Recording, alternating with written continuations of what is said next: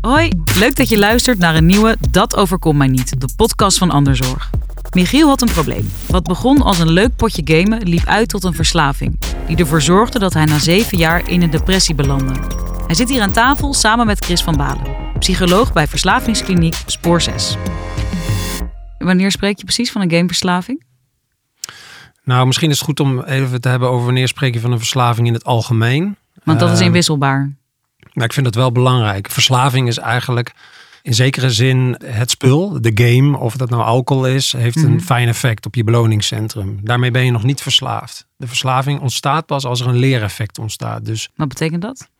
nou, bijvoorbeeld wat, je, wat Michiel eh, ondervonden heeft, dat hij depressiever werd en depressief eh, misschien wel de diagnose kreeg. Als je kijkt naar onderzoek bij gaming, dan zie je dat daar in die groep, dat zijn vaak jongens, ook vaker allochtone jongens, eh, lage eigenwaarde komt veel voor, sociale angst, eenzaamheid, eh, depressies. Op het moment dat je leert, ik ben somber, ik ga gamen, ik voel me beter, en dat Ja. keer op keer doet, kan ons verslaving ontstaan. Ja. En als je gepest bent, wat we ook veel tegenkomen, of op de middelbare school niet veilig hebt gevoeld, en dan terug kan trekken met je game, of je thuis problemen met je ouders, eh, en je kan je terugtrekken op je kamer. Telkens als het spannend wordt, jij gaat naar boven, je gaat gamen, dan kan verslaving ontstaan. En dan Ja. is het niet alleen maar de aantrekkingskracht van het spel, maar ook ik kan ontsnappen van mijn problemen. Michiel, ehm, neem ons even mee naar het begin van jouw verhaal. Ehm, nou, toen was ik vijf en kreeg ik gewoon een Game Boy. Omdat we naar Australië gingen voor een lange reis. Dus dan is een eh, Game Boy wel handig. Ja. En dat was eh, hartstikke leuk. Was ook de eerste, eh, tot mijn twaalfde was gamen ook echt, echt top. Ik ben ook niet per se heel erg anti-games of zo. Ik heb ook echt wel de positieve kant ervan ervaren. Eh, Ja. bedoel, wat is er leuker dan wat Mario Kart of Super Smash Bros. met je vriendjes? Dus dat was ook wel echt heel tof. Ja. Ehm, ik herken wel heel erg veel van het, eh, wat, er, ja, wat er net gezegd wordt. Eh, in mijn geval was het een beetje een. eh, op mijn twaalfde ging het best wel mis bij de overgang naar de brugklas. En ja, daar gebeurde eigenlijk voornamelijk drie dingen. Die samengevat, nou, pesten, werd, pesten was best wel heftig. Want ik was eigenlijk een heel extravert, heel aanwezig en eh, ja, een beetje een Tasmaans duiveltje kind. En, eh, maar ik dacht, ik ga nu even heel cool zijn. Nu ga ik een keertje de populaire jongen van de klas worden of zo. Dat was ook de basisschool niet echt. Nou, dan kom je in een soort van nieuwe sociale omgeving en daar gelden echt best wel andere regels. En je bent aan het begin net te puberen. En dan worden sociale hiërarchieën worden ook ineens best wel belangrijk.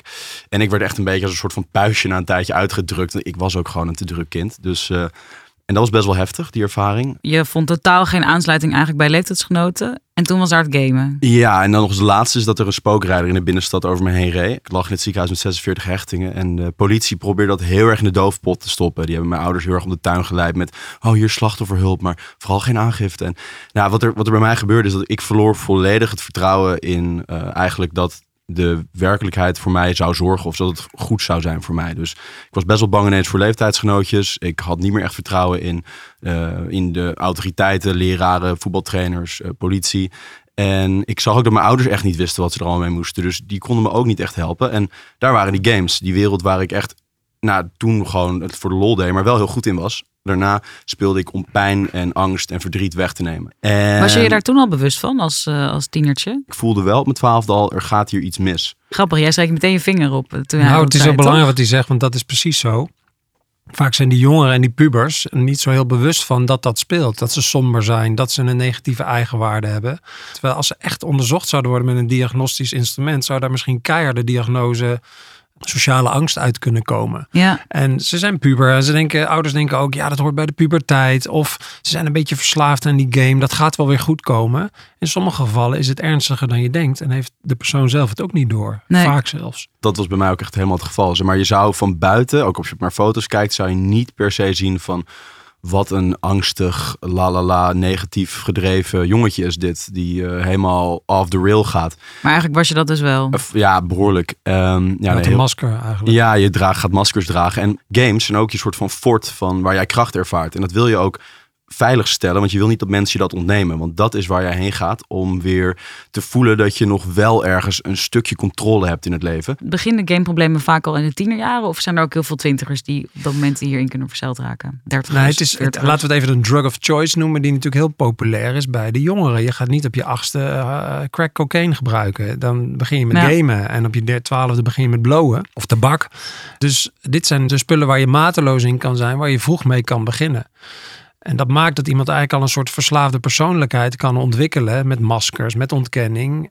Ja, en dan ben je ook vatbaar voor andere verslavingen op latere leeftijd. Dus Ja. je kan dan stoppen met gamen, maar dan toch merken, mijn dopaminebehoeftes gaan nu naar sporten of naar drinken. Ja, Eh, en ik zoek rushes, want mijn adrenaline kicks van het gamen zijn weg. Waar haal ik mijn rushes? hey, stel ik heb een vriend die veel gamet. Hoe herken ik nou dat het niet goed met hem gaat?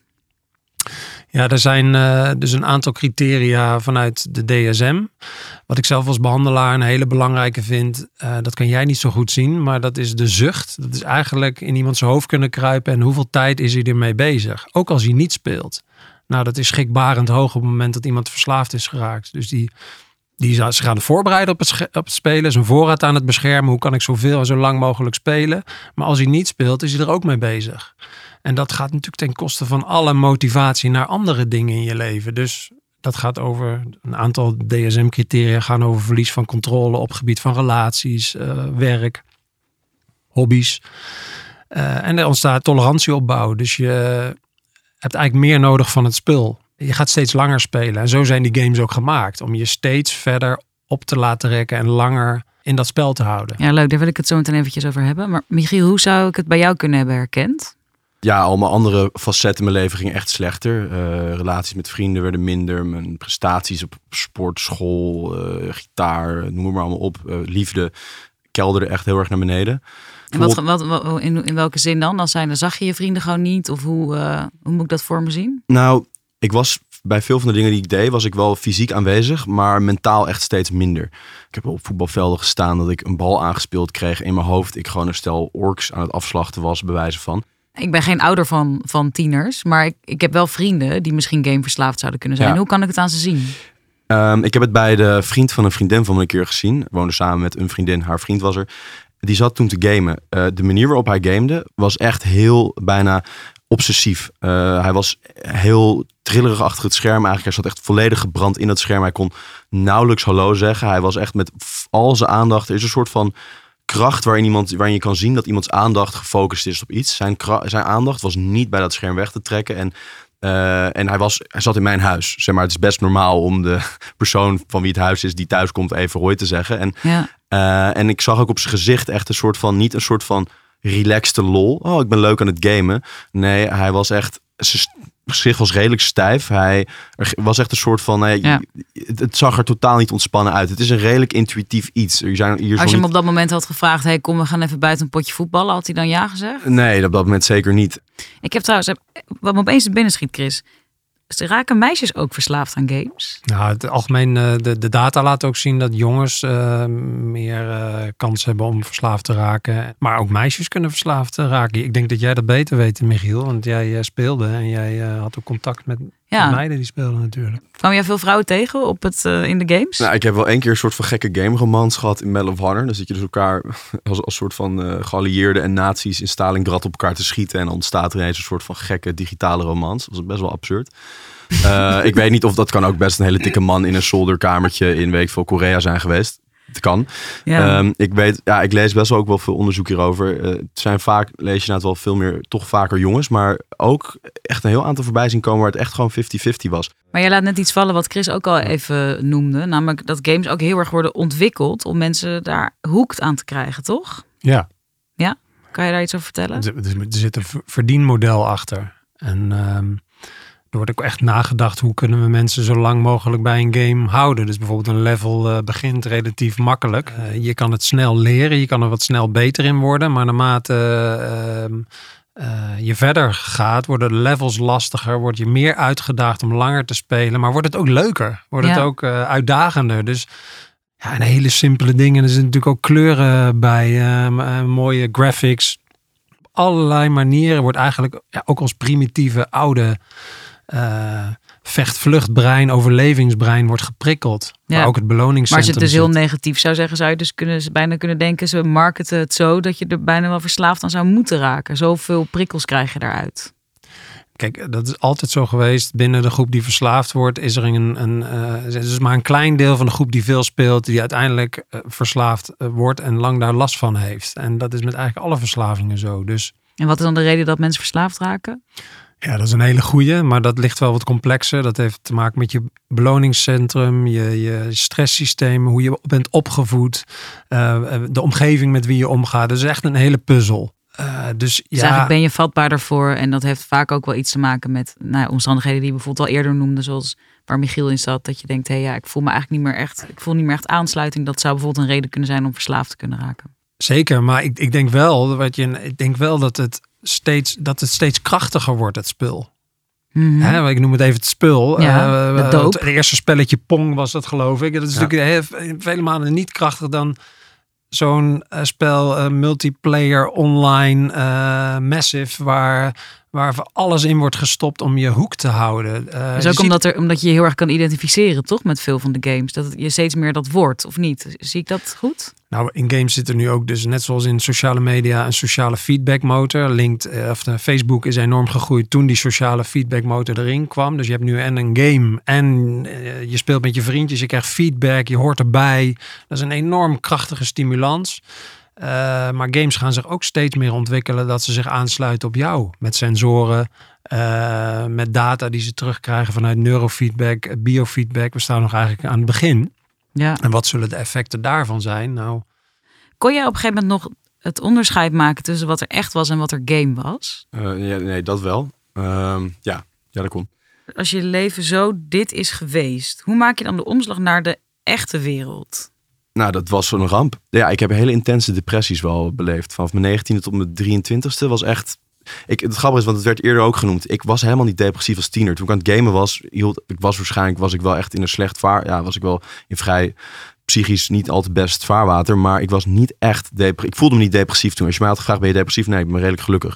Ik was aan het gamen. Zodra ik die games wegtrok, de pleister eraf... Ja, kwam en alle pijn van een ja, verspeelde tienertijd kwam er boven.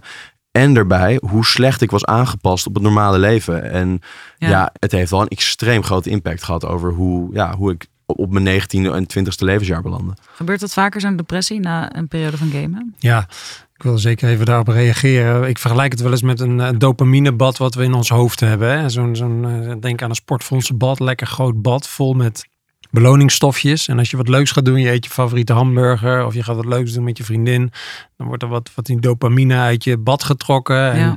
dat gaat dan in je brein, dan geniet je van en dan gaat het weer terug in het bad. Ga jij heel lang gamen, steeds meer, of ga jij drugs gebruiken, dan wordt dat bad eigenlijk heel sterk leeggetrokken. Ja.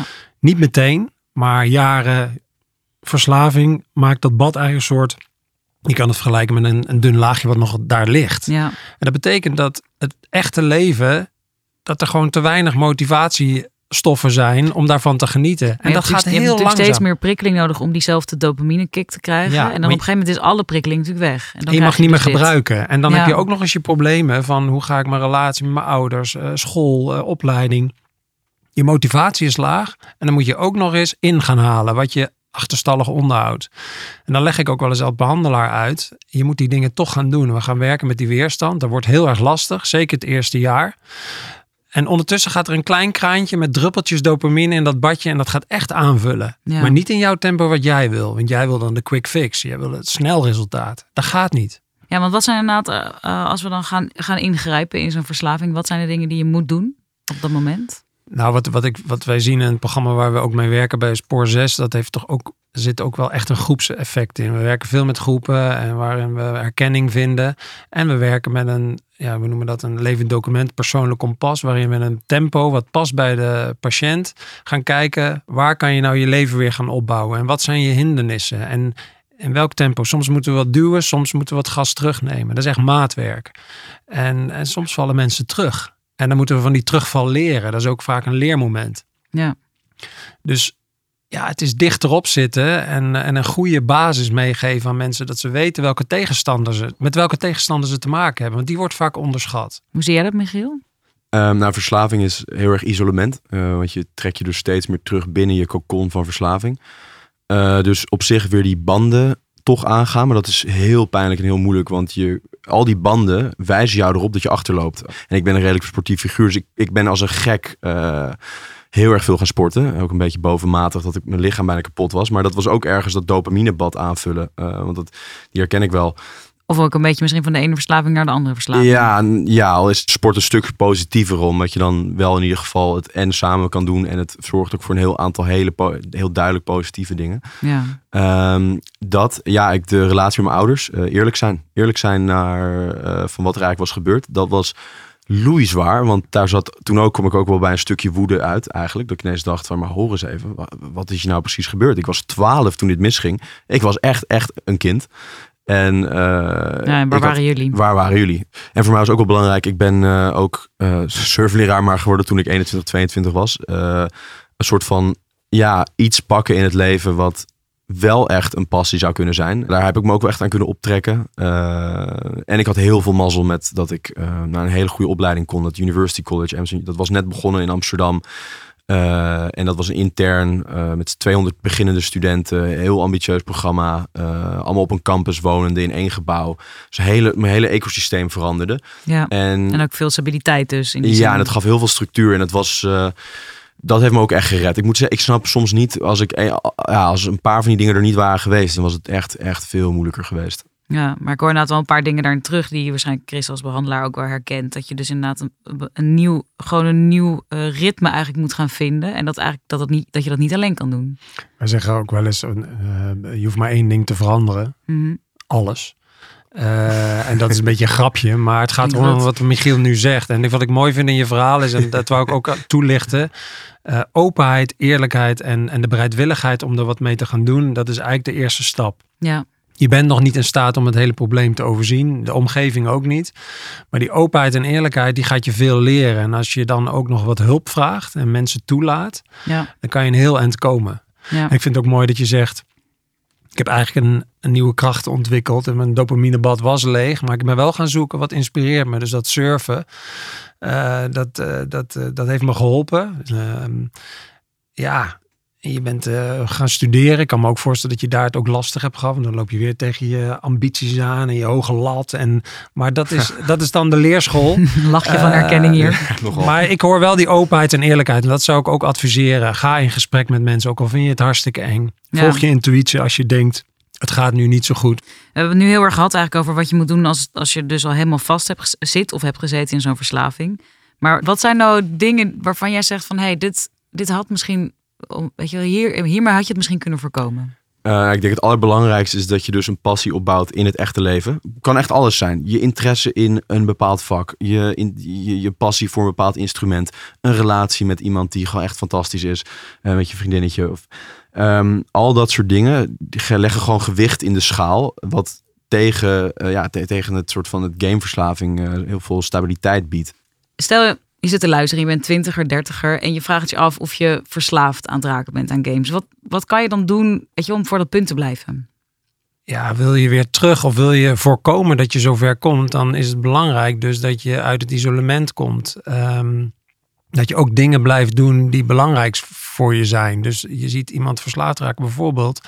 Ineens is de sport die twee keer per week wordt gedaan minder belangrijk. Ineens komt iemand tien minuten later aan de, aan de ontbijttafel of het avondeten. En een week erop is hij helemaal uh, te laat. En uh, wordt het ook gedoogd in huis. Ja. De verslaving pakt eigenlijk steeds meer van je af. Ja. Maar kijk, als iemand die twintig is, uh, als hij echt al langer bezig heeft, dan heeft hij ook meer schade. Dan weet hij dat, dat, denk ik wel wat er aan de hand is. Want kan je op je twintigste, zeg maar, kan het ook zijn dat je op je twintigste pas verslaafd raakt aan gamen? Of zitten er dan vaak al wortels eerder in de tijd? Nou, ik maak graag het verschil tussen verslaving en dan overmatig gamen. Kijk, inderdaad, ja. door ineens een scheiding of een relatieprobleem, je game graag met plezier vanuit een gevoel van vrijheid, kan je dat ineens meer gaan doen en dan kan het alsnog wel problematisch worden. Ja.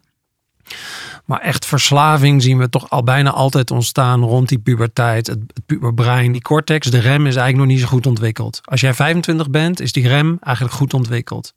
Dus begin je vroeg, dan heeft de remfunctie van jouw brein zich eigenlijk niet zo goed ontwikkeld. Begin je pas op je twintigste, waarschijnlijk is de remfunctie, je prefrontale cortex, al een end op weg. Ja. Dus eigenlijk kom ik het niet tegen. De basis is eerder gelegd. Maar stel dat je dus die basis al hebt en je, je gamet al wel veel, maar je wil niet dat het omslaat in een verslaving. Wat kan je dan doen om dat te voorkomen?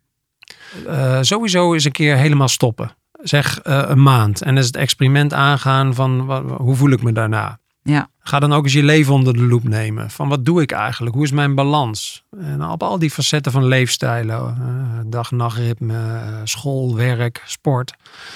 Ga je eens na, hoe zou je eigenlijk willen leven? Want wat vind je belangrijk? Moet je, heb jij iets op aan te vullen, Michiel?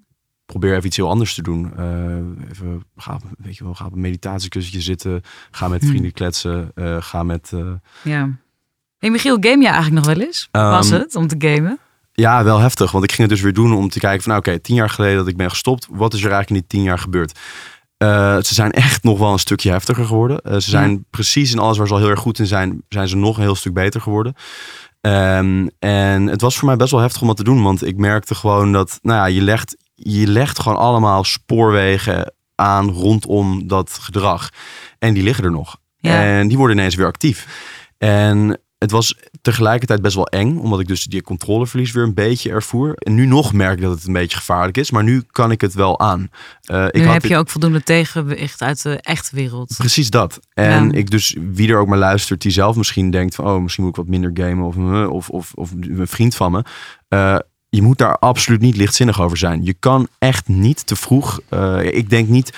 Ik denk niet. Je kan nooit meer ook maar iets uh, doen wat met een game te maken heeft. Dat, het is een betere leefregel dan uh, het tegenovergestelde van ach, over een paar maanden kan ik wel weer.